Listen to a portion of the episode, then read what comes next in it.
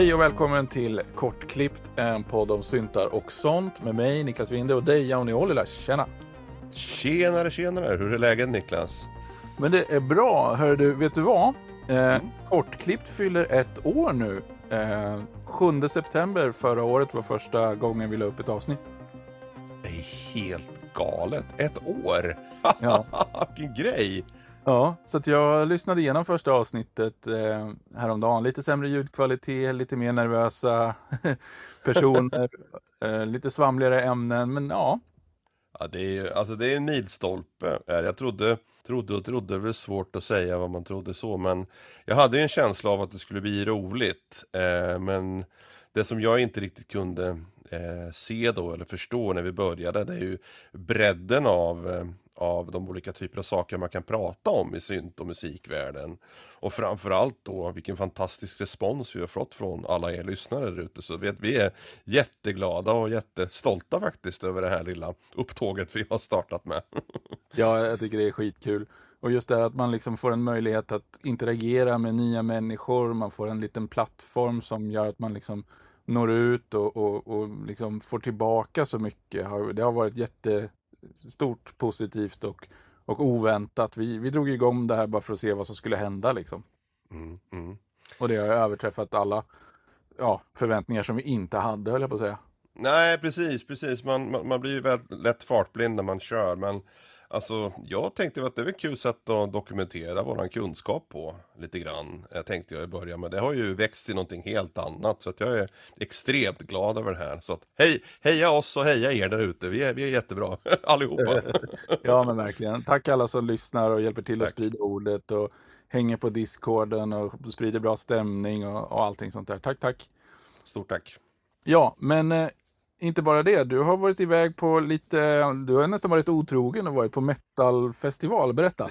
Ja, alltså det är ju så här, jag har ju så många olika fötter och strängar, höll jag på att säga. Strängar, säger man? Sätter fötter på min lyra, det har man väl inte. Jag har väldigt många strängar på min lyra skulle jag vilja säga. Eh, jag lyssnar på allt möjligt mellan himmel och jord och metalmusik är någonting som ligger mig väldigt varmt om hjärtat. Och jag försöker inkorporera lite grann av, av det tänket i några av de projekten som jag håller på med. Eh, för jag tycker det är roligt att blanda liksom. Best of both worlds då. Men nog om det. Jag var på Malmö Massacre i eh, förra helgen blir det tror jag. Eh, en kompott då, eh, två dagars festival. Eh, massvis av grindcore, metal, döds och allt möjligt mellan himmel och jord. Helt fantastisk konsert och tillställning måste jag säga på plan B i, i Malmö. Och det som slog mig när jag var där, det var att det, så helt, det var sån här underbar, fantastisk gemenskap mellan alla met metalmänniskor. Alla hejade på varandra, alla var glada i hågen och gick omkring med ett stort brett leende eh, på ansiktet och bara hade roligt och umgicks liksom med musikens tecken. Och kände det lite grann att han, fan alltså hårdrockare ibland, det är lite bättre än oss syntgubbar alltså när det gäller att att vara mer glada i hågen och vara mer lättillgängliga och supporta sin eh, alltså scenen så att säga. Så att jag varit lite sådär, hmm, undrar, undrar vad det kan bero på. Men eh, Eh, jag kände ändå att det var en väldigt trevlig tillställning, det var massvis med bra band, jag var bara där på fredagen, jag skulle vara där på fredagen och lördagen, men jag hann se Cult, Cult of Luna, uh, Warfuck var ett helt fantastiskt band också, som jag aldrig hade sett förut, en snubbe eh, och en trummis, en gitarrist, sångare och en trummis, alltså tre, två personer bara. Och han där gitarristen han körde ju alla riff själv och bara flög omkring som en jävla raket på scenen. Var på trummisen matade på och malde liksom i två, tre minuters låtar. Helt otroligt var det! Alltså, det är ju sådana här små festivaler, stora festivaler kanske man ska jämföra med i, i Sverige mått mätt, men i världens mått mätt så är det en ganska liten festival. Eh, där man får se alla de här små banden och det, det, det jag tycker är roligast med de här festivalerna Det är att liksom upptäcka de här banden som man aldrig egentligen skulle ha lyssnat på. Jag menar Warfuck, kom igen, det är ju ingenting man ens googlar liksom. Hur kommer man på sånt galet namn? Och det var min stora behållning från den här festivalen, att se de här små banden. Jag menar, Cult of Luna är ju Cult of Luna, de är ju alltid fantastiska liksom. Så, eh, som band, både live och på skiva. Men eh, jag tror nog att, ska man jämföra då med en syntfestival liksom, så är det lite grann samma grej. Alltså jag föredrar egentligen att se de här små, lite obskyra minibanden liksom. För att det, det sprids en annan form av glädje eh, under gigget tycker jag, som man kanske inte riktigt ser Eh, på grund av att de, banden, de större banden spelar på en större scen, men kommer inte lika nära eh, som publik då. Eh, mm. Men det var, det var riktigt kul, även om jag var lite otrogen mot den elektroniska musiken så kändes det som ett, mycket bra val och trevlig tillställning också. Så det ska, dit ska jag gå igen nästa år. Låter bra. Ehm, men jag tycker det är intressant just det där med publikstödet, att, att metalfansen verkar vara liksom supportande och, och, och glada och pushiga man ska inte snacka skit om sin egen publik höll jag på att säga, men jag har märkt några gånger på synställningar att det kommer inte så jättemycket folk och de som står har lite svårt att komma igång och dansa och sådär. Hur, hur, vad ska vi göra åt det? Hur ska vi få fart på folk? Jag vet inte, det är jättesvårt där. Alltså åker man till Tyskland så är det ju genast en helt annan alltså, typ känsla på publiken. Publiken är alltid med och röjer, de är alltid med och supportar. Nu säger ju inte jag att svenska scenen och svenska syntscenen är kass på något sätt. Det är inte det jag vill ha sagt. Utan att jag kände bara liksom en, en ganska stor skillnad med hur, alltså man köpte ju t-shirtar och skivor och promogrejer på löpande band. Det var helt vansinnigt vad folk handlade grejer liksom. Eh, så jag vet inte, det är svårt att säga. Det kanske är att våran musik kanske inte når ner i åldern, alltså till nybörjarna på samma sätt som, som hårdrocken och metalen gör. Eh, det kanske är ett, det håller på att ske ett generationsskifte, kanske inom den elektroniska musiken. Där liksom eh, man inte som kid då typ i tonåren, man letar sig inte till en subkultur på samma sätt. Eh, Medan metalmusiken fortfarande har en väldigt stor styrka i subkulturen. På det sättet man klär sig, på musik man lyssnar på, tatueringar och liksom det allmänna uttrycket då. Eh, och jag känner att det kanske håller på lite grann och försvinner i den elektroniska musiken. Framförallt på syntsidan då i Sverige. Men det är mm. bara en, typ en gubbgissning som jag vill kalla det för. vad, vad ja, tror du Niklas? Ligga, det kan nog ligga mycket i det, för jag tycker inte man ser folk gå runt och vara direkt syntarklädda längre. Själv som tonåring knatade jag runt i stora kängor och militärbyxor och, och grejer liksom. För det var, man gjorde så. Men det ser man ju inga som gör nu längre. Nej, eh, precis. Så där du nämner att, liksom, att folk anammar subkulturen och kläderna och stilen och, och liksom, att det är mer utbrett bland rockers eller vad man ska kalla dem. Det, det stämmer nog, det är nog en bra eh, spaning. Precis. Ja men tittar man, nu ser ju, du, du drar ju alla över en kam här men hårdrockare ser ju ut på ett väldigt speciellt sätt. Eh, du vet, eh, det, det, är lätt att spana in dem. Antingen har man långt hår eller som har kort skalle som jag har, ett stort skägg. Och gärna någon jeansväst med lite, med lite tryck på liksom, och häftigt armband och halsband liksom, och så är man där. Eh, så att det är ju en väldigt specifik och tydlig look man har. Eh, och man måste nog även, tror jag, som individ känna sig bekväm i sitt, sin stil och sitt utseende.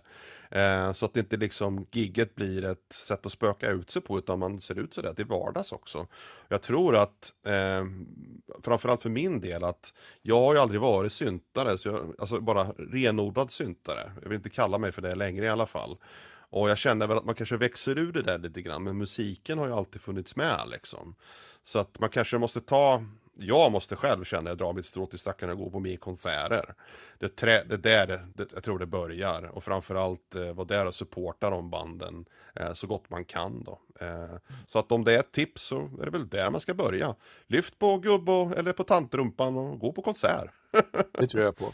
Ut och supporta liksom. Och det var ju något jättebra här i Sundbyberg i torsdags var det väl. Eh, Knivtid, Pro 424 och Alvaro Villalobos var där och DJ och grejer. Det hade jag så jättegärna velat gått på. Men det så är det ju, livet kommer emellan liksom. Och man, har man varannan vecka barn så funkar det liksom inte att dra till Stockholm hur som helst. Så, men ja, absolut. Ut och rör på sig mer och sen så kanske i, i möjligaste mån då, om man har det, möjligheten att börja arrangera saker. Precis. Ehm, det kan ju vara små spelningar, det behöver, ja, säger jag, behöver kanske inte gå runt alla gånger, men det är ju... Jag tror att folk är väl intresserade av att komma ut och spela, så kan man bara ge dem en plattform och en möjlighet att göra det, så de kanske det liksom börjar röra på sig i, i gräsrötterna. Folk börjar ta med sina syntar ut och spela lite och så blir det lite, liksom lite ruljangs på det. Ja, det måste jag stå ett stort slag för bandet Kund från Malmö. Som anordnade en, ja, någon releasefestival, typ, de skulle släppa en skiva. Och så hyrde de en stor eh, gård ute på eh, Skåneslätten liksom, där de bjöd in massa band och eh, fixade med boende och mat och dryck och allting liksom. En sån där grej är ju helt fantastiskt och beundransvärd. Det är sådana ja. saker som jag tror kommer få liksom scenen att röra sig framåt. När alltså, vissa individer verkligen tar, gör lite jävlar anamma liksom bakom det. Och framförallt bandet Kund som inte funnits så länge. Och låter som att de har gjort musik i hela sitt liv liksom. Eh, du mm. vet. Det är sådana grejer som är extremt beundransvärda. Stor tummen upp från mig också. Eh, ja. Sånt gillar vi. Stor tummen upp från dig också. Det tycker jag är fantastiskt bra initiativ. Mer sånt. Ja, nu när vi har årsdag på eh, Kortklippt så kanske vi ska våga oss på att göra lite profetior så kan vi komma tillbaka till det om ett år och se ifall det slog in. Eh, egentligen har vi kanske inga profetior direkt, men vi tänkte prata lite om det här med eh, syntesmetoder, syntar, vilka varianter det finns och om vi tror att alla syntesmetoder är uppfunna eller om det kommer komma någon ny sån här grej som man aldrig har hört förut. Det där är ju världens roligaste spaning. Alltså, jag har ju alltid, alltid nu är väl fel att säga, men ända sedan jag var liten, liten gubb-Jauni, eller li, li, lilla, lilla Jauni Burg när jag var liten, så satt jag och lyssnade fascinerat på farsans Jarre och Klaus Schultz skivor och tänkte hur i, hur i, ja, hur i, hur sjutton Gör de de här ljuden egentligen? För vissa av de där grejerna lät ju som att det kom från rymden. Det vill säga det finns ljudlandskap och synteser och ljud som man aldrig ens hade kun, kunnat liksom i sina vildaste fantasier föreställa sig eller drömma fram. Eh, och det är just den här grejen då som får mig att börja fantisera lite grann på nya ljudsynteser. Jag tror nog att vi kanske har nått ett, en peak där vi liksom bara kommer ha olika derivat på vad vi redan har idag. Men alltså, det är ju vissa grejer som dök upp, alltså här med physical modeling och var det, var det face distortion? Nej, det var inte face distortion, det var någon annan eh, wave shaping eh, som var någonting helt så jag fick samma känsla när jag hörde wave shaping för första gången när man morfade mellan olika wave, wave-tabeller och sånt där. Det var helt nytt för mig i mina öron. Eh, och just den typen av syntes är ju det som får mig att gå, gå igång och trigga liksom. När man har en ny form av, ja, en ny palett egentligen att jobba med. Eh, jag vet inte, vad, vad kände du Niklas? Vad, vad, vad tror du vi är på väg? Alltså jag har ju lite svårt att tro att någon ska kunna komma på någon ny syntesmetod som bara alltså skiljer sig så pass mycket från tidigare mod modeller som, som jag menar skillnaden mellan analog syntes och F, digital FM liksom. Mm, mm. Um, jag, tror att, jag tror att det är gjort, liksom, det har forskats så mycket på de här grejerna så fanns det något mer att upptäcka så hade det nog gjorts vid det här laget. Men, men jag tror att man kommer kanske komplex, hur ska man, äh, hur ska man äh, uttrycka det här nu då? Komplexisera, eh, komplicera. Jag tror, att, jag tror att de här syntesmetoderna som vi har idag kan, kan liksom sträckas ut och göras lite mer komplicerade. Som, jag har ett exempel som jag eh, har tänkt ganska mycket på. Och det är liksom att, alltså om vi bara tar vanliga analoga oscillatorer så är de till att börja, alltså de är väldigt endimensionella. Om du, om du tittar på mm. en Minimo till exempel så kan du välja en vågform per oscillator. Och that's it. Sen kan du göra lite FM på dem. Men det är inte mycket mer än det. Nej. Sen går du upp på en Pro One. Då kan du kombinera två, eller upp till tre vågformer då. Och du kan dessutom göra PVM på, på eh, pulsen då. Mm. Och sen har du synk. Och vad, och vad jag har tänkt på lite grann det är att antingen är vågformen helt statisk som den blir när du blandar olika vågformer eller bara har en att välja på. Mm.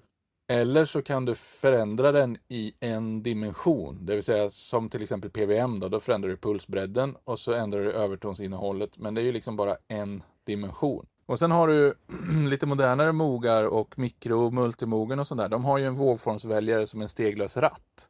Så den går ju från puls via sågtand till triangel och så vidare. Va? Och den den är ju också endimensionell, även om den ändrar vågformen på fler sätt på vägen så är den ju, du kan liksom bara modulera den åt ett håll.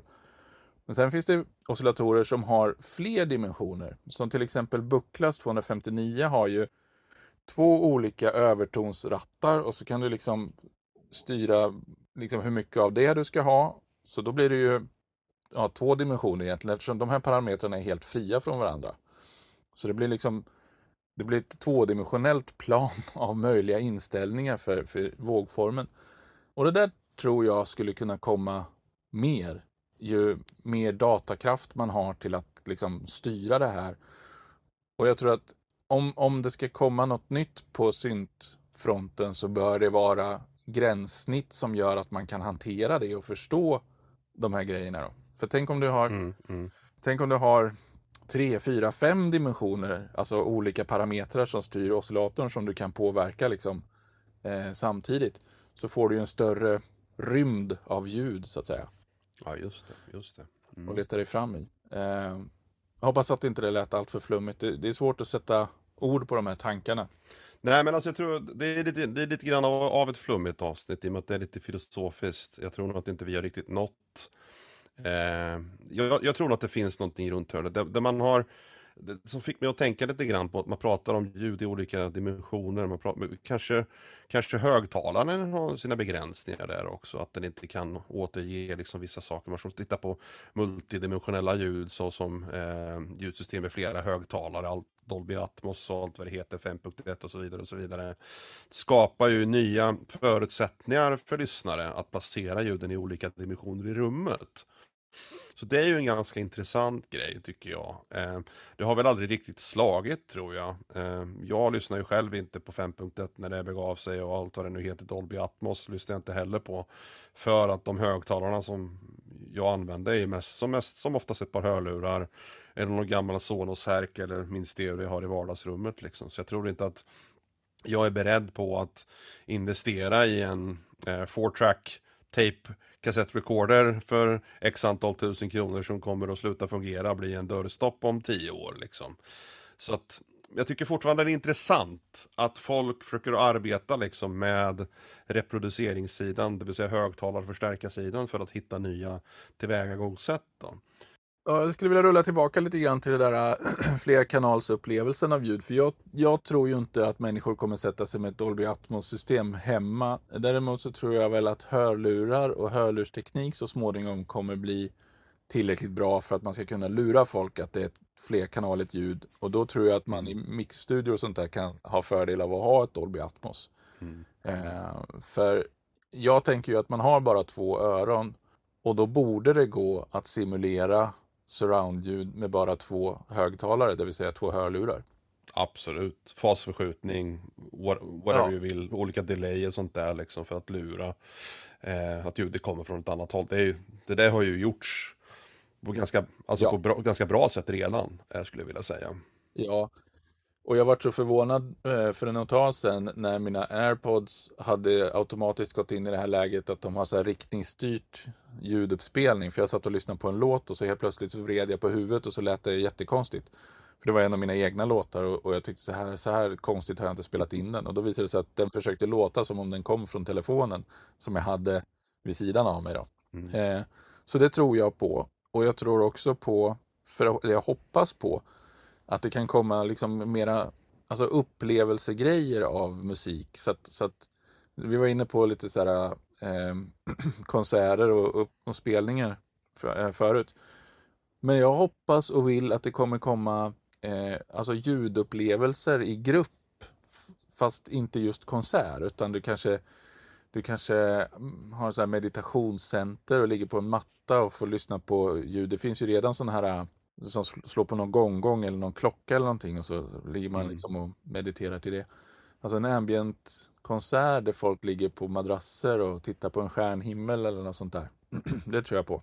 Och jag hoppas att det kommer den typen av upplevelser. För alla konserter måste ju inte vara skithög volym och dunka-dunka i ett PA. Liksom. Det, det, kan ju vara andra typer av upplevelser, ljudmässigt och musikaliskt. Nej, verkligen inte. Jag gillar ju verkligen idén det här eh, med mer passiva meditativ meditativa sessioner. Jag gillar det jättemycket.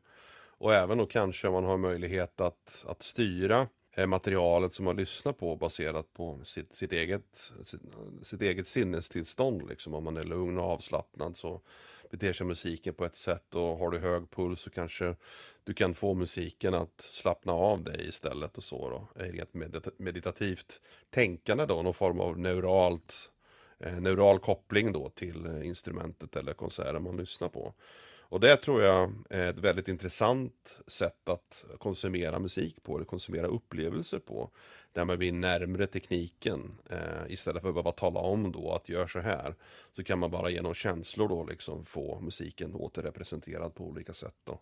Och då blir det återigen superflummigt. Ja, men det skulle kunna vara en grej om man har smartklockor som läser av ditt sinnestillstånd eller ditt kroppsliga tillstånd med puls och temperatur kanske eller någonting annat. Och sen så styr det någon, någon ljudsyntesmodell som är uppbyggd och sen så kommer alla deltagare som befinner sig i rummet hjälpa till att skapa ljudupplevelsen tillsammans.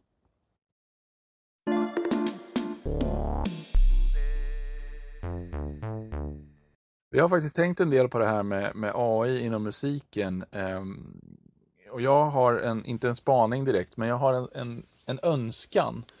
För jag skulle vilja um, det var ju någon som postade på 99 här om veckan eh, en synt GPT, alltså en sån här chat GPT eh, klient där man kunde skriva in vad man eh, ville ha för ljud och sen så fick man det och då kunde man skriva jag vill ha en CS80 liknande evangeliskt med ett lexikon, reverb och så. Eh, och jag är så jävla lättlurad så jag köpte ju det där rakt av tills någon skrev att det var ett aprilskämt. Jag hatar aprilskämt för jag går alltid på dem. Uh, första april är sämsta dagen på hela året tycker jag. Men i alla fall. Uh, jag är inte så sugen på just den grejen. Mer än för att kanske slippa leta igenom presets efter en, en virvel som man tycker om. Men, men jag skulle vilja att AI istället hjälpte oss att tygla alldeles för komplexa syntesmetoder som människor har svårt att förstå sig på. För en AI kan ju sålla bland, vad ska man säga, alltså en, en, om en synt har tusen inställningsmöjligheter, de har ju många fler, men vi säger att den har tusen inställningsmöjligheter. Då kommer en hyfsat komplex synt ha ett antal hundra av dem som är obehagligt oljud som, som man inte vill ha, liksom, som är oanvändbara inställningar. Liksom. Och då skulle man ju kunna ha en AI som hjälper en att leta igenom den delen av av ljuden som man tycker om och hjälper en att hitta dem som, som passar ens egen smak. Så att jag skulle vilja att AI användes till att låta oss tygla otroligt mycket mer komplexa syntesmetoder än vi har idag. Och det behöver mm. inte vara en ny syntesmetod egentligen. Det kan ju bara vara en kombination av många syntesmetoder. Jag menar, DX7ans FM-syntes med, är det sju operatorer? Det kanske är det. Ja, sju eller åtta. Sju eller åtta. Den är tillräckligt komplex för att det ska vara obehagligt för människor att sätta sig in i. Men tänk dig en FM-syntes med 70 operatorer. Det kommer ju vara helt omöjligt för en människa att förstå och den kommer innehålla ja. många miljarder inställningar som bara låter fullständigt skit. Liksom. Men det kanske finns guldkorn där i. Det kanske finns några ljud som inte skulle kunna gå att göra på något annat sätt. Och då vill jag att AI hjälper oss att hitta dem. Ja, då måste man ju träna eh, AI då på dina egna preferenser. För att jag blir lite motvalls här direkt och börjar tänka, men jag vill ju åt de här som låter skit också. ja. Det är ju liksom, för att återanvända ditt favorituttryck som jag tycker är helt fantastiskt, den här klangresan som man är på. Går man miste om mycket om man är, blir presenterad med för mycket makron och för enkla inställningar på det syntar som kanske har en enorm potential bakom sig att hitta saker som man kanske inte skulle upptäckt på egen hand. Då. Eh, men jag tror att att om man skapar en makron eller vad vi nu kallar det för, som man liksom, där man presenterar olika lager fast med förenklade regler, är ju ett fantastiskt sätt att lära sig att tygla då en bäst som man kanske inte klarar av att hantera dag ett. Men ändå liksom så tror jag nog att det ligger väldigt mycket där du säger att vissa syntar är helt enkelt för komplexa de var byggda för komplexa från början. Och det gillade han S på, eh, som jobbade på Elektron förut när han byggde Digitone för att han gjorde ju liksom en förenklad variant och presenterade de lager som han tyckte han var, tyckte var intressanta för eh, mig som, som, som musiker. Och då är det mer liksom the human interface, HI, som blir intressant för mig när man har en person som kurerar, som faktiskt har en bakgrund inom teknologi och är musiker och är artist. Det är där den, det AI egentligen idag inte klarar av att göra åt oss. Eh, så att jag, jag, blir lite motvalls men jag blir nyfiken också samtidigt. men jag vill också ta upp fantastiska Synplant i det här eh, segmentet eftersom dels så har den ju redan den här funktionaliteten att du kan ta frön och så nya plantor och, och liksom evolvera ditt ljud. Men nu kommer ju snart Synplant 2 som innehåller AI. Som eh, han Magnus som, som skriver Synplant eh, har tränat så att den, den har ju en hyfsat enkel syntmotor, Synplant, men han har ju alltså tränat upp ett AI som kan analysera ett ljud och ställa in syntmotorn så att det liksom imiterar det ljudet ganska nära. Jag vet inte om du har sett den videon med Kuko, men... Eh, jo, den är, jag har sett den. Jag vill, jag vill att det ska, det ska vara släppt igår så jag kan köpa det. Ja, det är helt underbart ju. Har du hört om den här presetsen till Microtonic också som han har använt AI för att emulera gamla trummisar? De har jag missat. Eh, kolla upp det för att Microtonic mm. är grym som den är och de presetsen är också helt underbara. Ja, det måste jag kolla direkt ja. efter det här.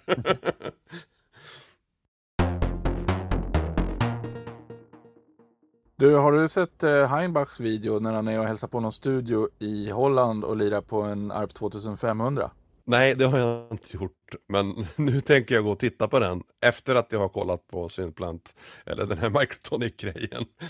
Mycket saker du levererar idag. ja, nej men alltså fy fan, ARP 2500, jag har ju, det är min vita val, jag har pratat om det. Och jag, förhoppningsvis kommer jag få spela på en innan jag dör, men jag kommer nog aldrig äga en. Men eh, det var jättekul att se dels de här slider-matriserna. Den är ganska slamrig när han drar i de där spakarna.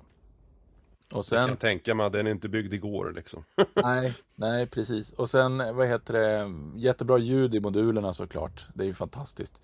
Och sen lite grann hur de har valt vissa, ja, men vissa parametrar och hur de här ska gå att koppla och sånt där. Hur de har lagt upp det. Och dessutom är de här sliderserna färgkodade. Det tror jag inte jag visste om. Så att, Rattarna har ju vissa färger i, i sig och de här slidersarna mm. som går till de respektive rattarna har samma färg på knoppen liksom. Så det är riktigt fränt. Men eh, apropå moduler då och modularer så har ju du en liten Euromodular och jag har ju pratat ganska mycket om min buckla så det är nog folk trötta på att höra. Men kan inte du berätta lite om din eh, Eurorack? Ja, alltså det som är intressant med Eurorack tycker jag att man kan ju välja massvis med olika ljudsynteser från, ja i stort sett från vilken, eh, vilken, vilken hink man vill egentligen. Och det där jag kände var det som lockade mig in i Eurorack-världen, att jag kunde köpa en komplex oscillator. Eh, Där jag kanske inte hade råd att gå på buckla eller köpa något dyrare, större system. Eh, jag kunde köpa liksom en samplingsapparat, jag kunde köpa en eh, Eh, nu kommer inte jag ihåg vad Mutable Instrument kallar sin rings eh, och elements för, men det är någon slags av modal synthesis tror jag, någon physical modeling grej. Just den här resonatorn i rings är ju väldigt, väldigt speciell. Eh, framförallt när man använder den som oscillator och inte skjuter saker igenom den kan man få väldigt, väldigt intressanta eh, och komplexa ljudlandskap.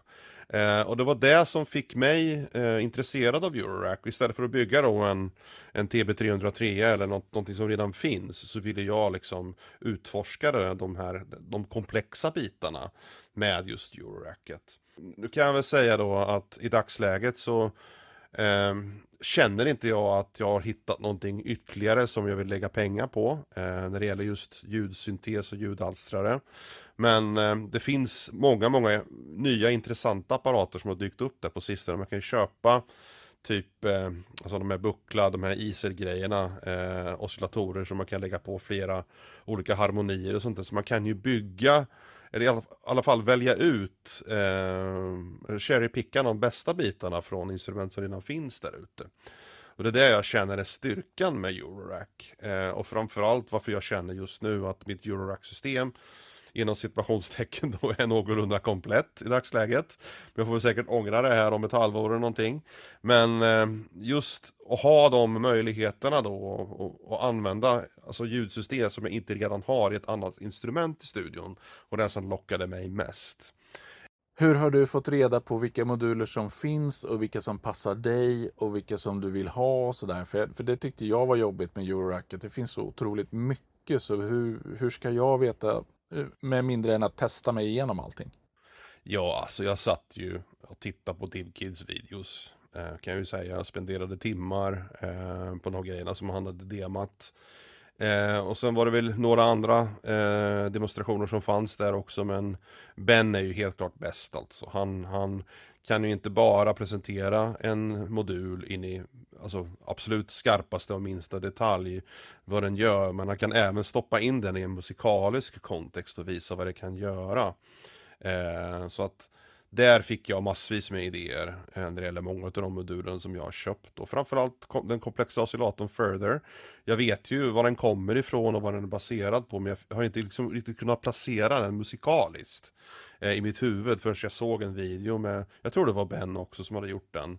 Mm. Eh, och då bara wow, det här måste jag ha. Då fick jag massvis med idéer om låtar jag ville göra baserat på de ljuden som jag hörde då. Och sen så var ju det bara lite skrap på ytan liksom. Så att eh, just den grejen att, att eh, bli inspirerad av någon annan som använder en modul musikaliskt är mer intressant än att visa plus minus 5 volt grejer vad den kan göra och jada jada liksom. Så att det, sånt där går jag mer igång på kan man säga. Hur gör du för att inte fastna i köp och säljträsket då liksom? Ha en ganska så klar och solid plan med vad jag vill göra med mitt system. Typ att jag ska ha en komplex oscillator, jag ska ha en modal syntesis, jag ska ha en samplergrej. Eh, och sen är det någonting mer också. Alltså jag ska ha tillräckligt med utilities i den för att jag ska kunna klara och modellera alla de bitarna på ett tillfredsställande sätt då. Eh, och sen så använder jag min eh, modular som ett fristående instrument. Det vill säga om jag väljer att plocka bort någonting, då är inte instrumentet komplett längre. Då funkar inte det som det är avsett och uttänkt för mig. Eh, och på det, på det sättet så begränsas jag till att jag kan liksom inte plocka bort Ska jag ta bort en VCO, en vanlig, alltså typ klassisk VCO, så måste jag ersätta den med en likadan VCO. Men har du hittat en balans då bland, mellan liksom de olika typerna av moduler som, som gör att du känner att det är komplett?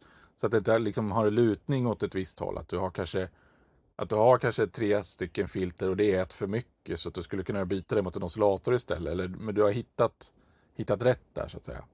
Ja, alltså det har jag gjort. Jag har faktiskt bara två filter i mitt system idag. Eh, jag behöver inte fler. Eh, för att de grejerna som jag gör då, eh, alltså det, det jag behöver ha ett filter, det har jag andra syntar till för att göra. Klassiska, enkla, okomplicerade leads. Eh, så jag har ju tre stycken, vad de nu heter, de här Dupfers Micro-PUP-VCO. Eh, har jag tre stycken som jag använder då eh, tillsammans med Ornaments in Crime tror jag den heter. Då finns det som en sån här, man kan skapa eh, melodier och sen så använder den den här, den här triangeln då. Jag kommer inte ihåg vad den heter, Hemisphere tror jag. Eh, den applikationen så, så lägger den ut liksom olika noter, sprider den ut den på olika sätt så kan man modellera den så flyttar de noterna eh, alltså individuellt och baserat på vilken melodi du spelar. Och det tyckte jag var en intressant grej som inte jag kunde hitta i en, i en synt. Så därför har jag just då tre stycken analoga oscillatorer. Av just den enkla anledningen när jag bygger stabs och dubcords och sånt där då.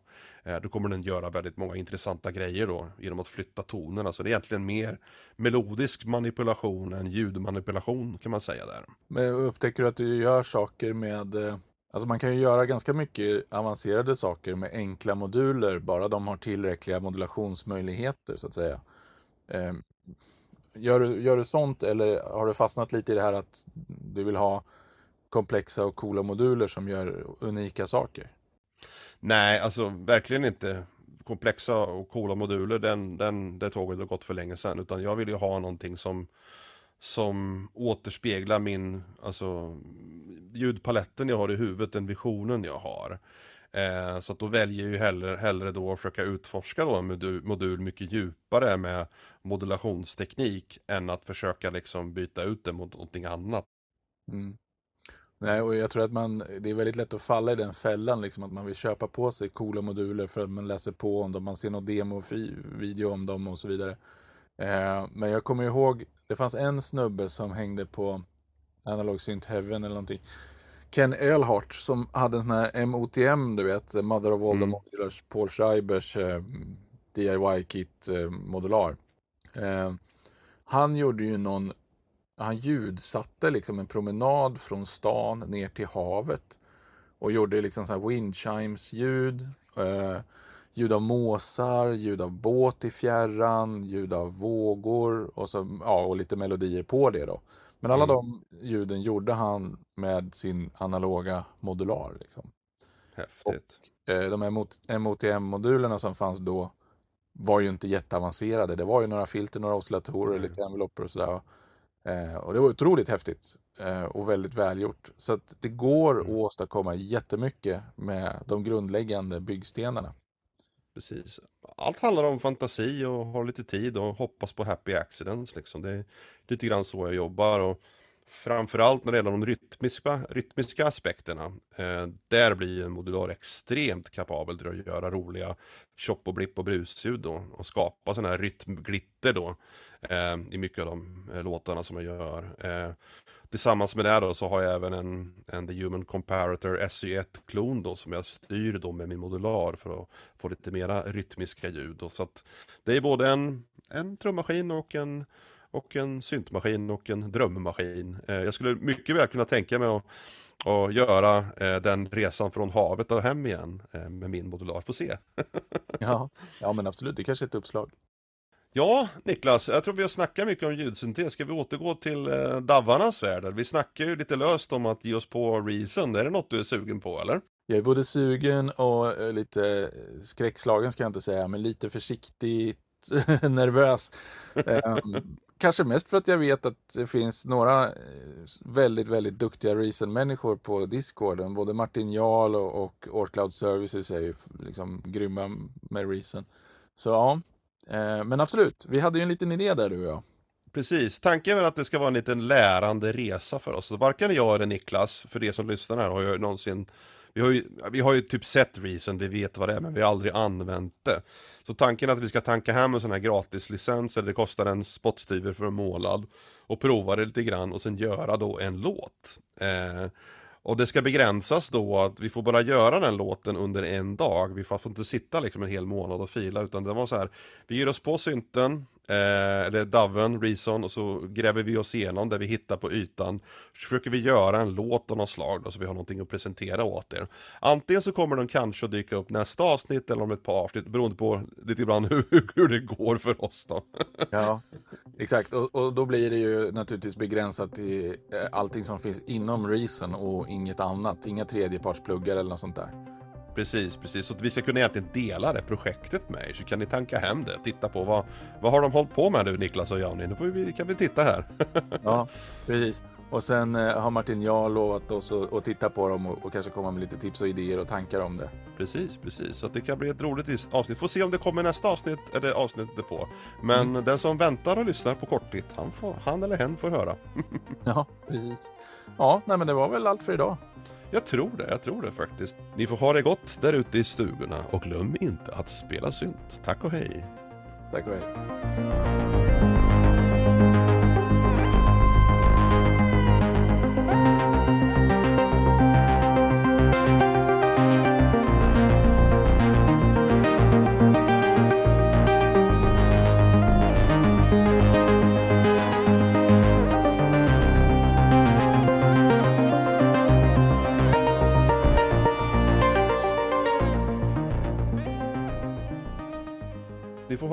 Ute i stugorna och glöm inte att lyssna på synt. Eller nej, nu! Ni får ha det... Här tappade jag tråden helt. Eh, Det där blir ett blooperklipp. Ja, jag tror det. Du får göra det. Ni får ha det gott där ute i stugorna och... Blä! Det är helt otroligt det här. Nu, nu, nu är jag så här overly conscious liksom, tänker på vad jag ska säga.